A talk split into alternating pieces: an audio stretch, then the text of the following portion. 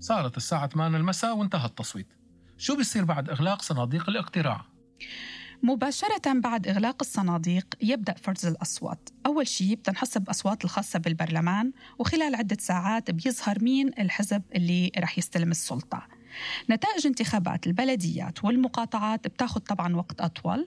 بيرجع الأصوات بتنعد مرة تانية بشكل أدق يوم الاثنين التالي للانتخابات بمكان آمن.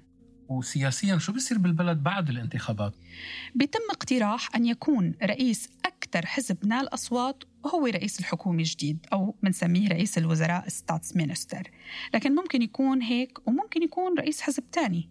الاقتراح يصوت عليه من قبل أعضاء البرلمان وبيفوز بالأغلبية. بدول تانية ممكن يكون الملك أو رئيس الدولة هو اللي بيقترح مين يكون رئيس الحكومة أو رئيس الوزراء. صحيح.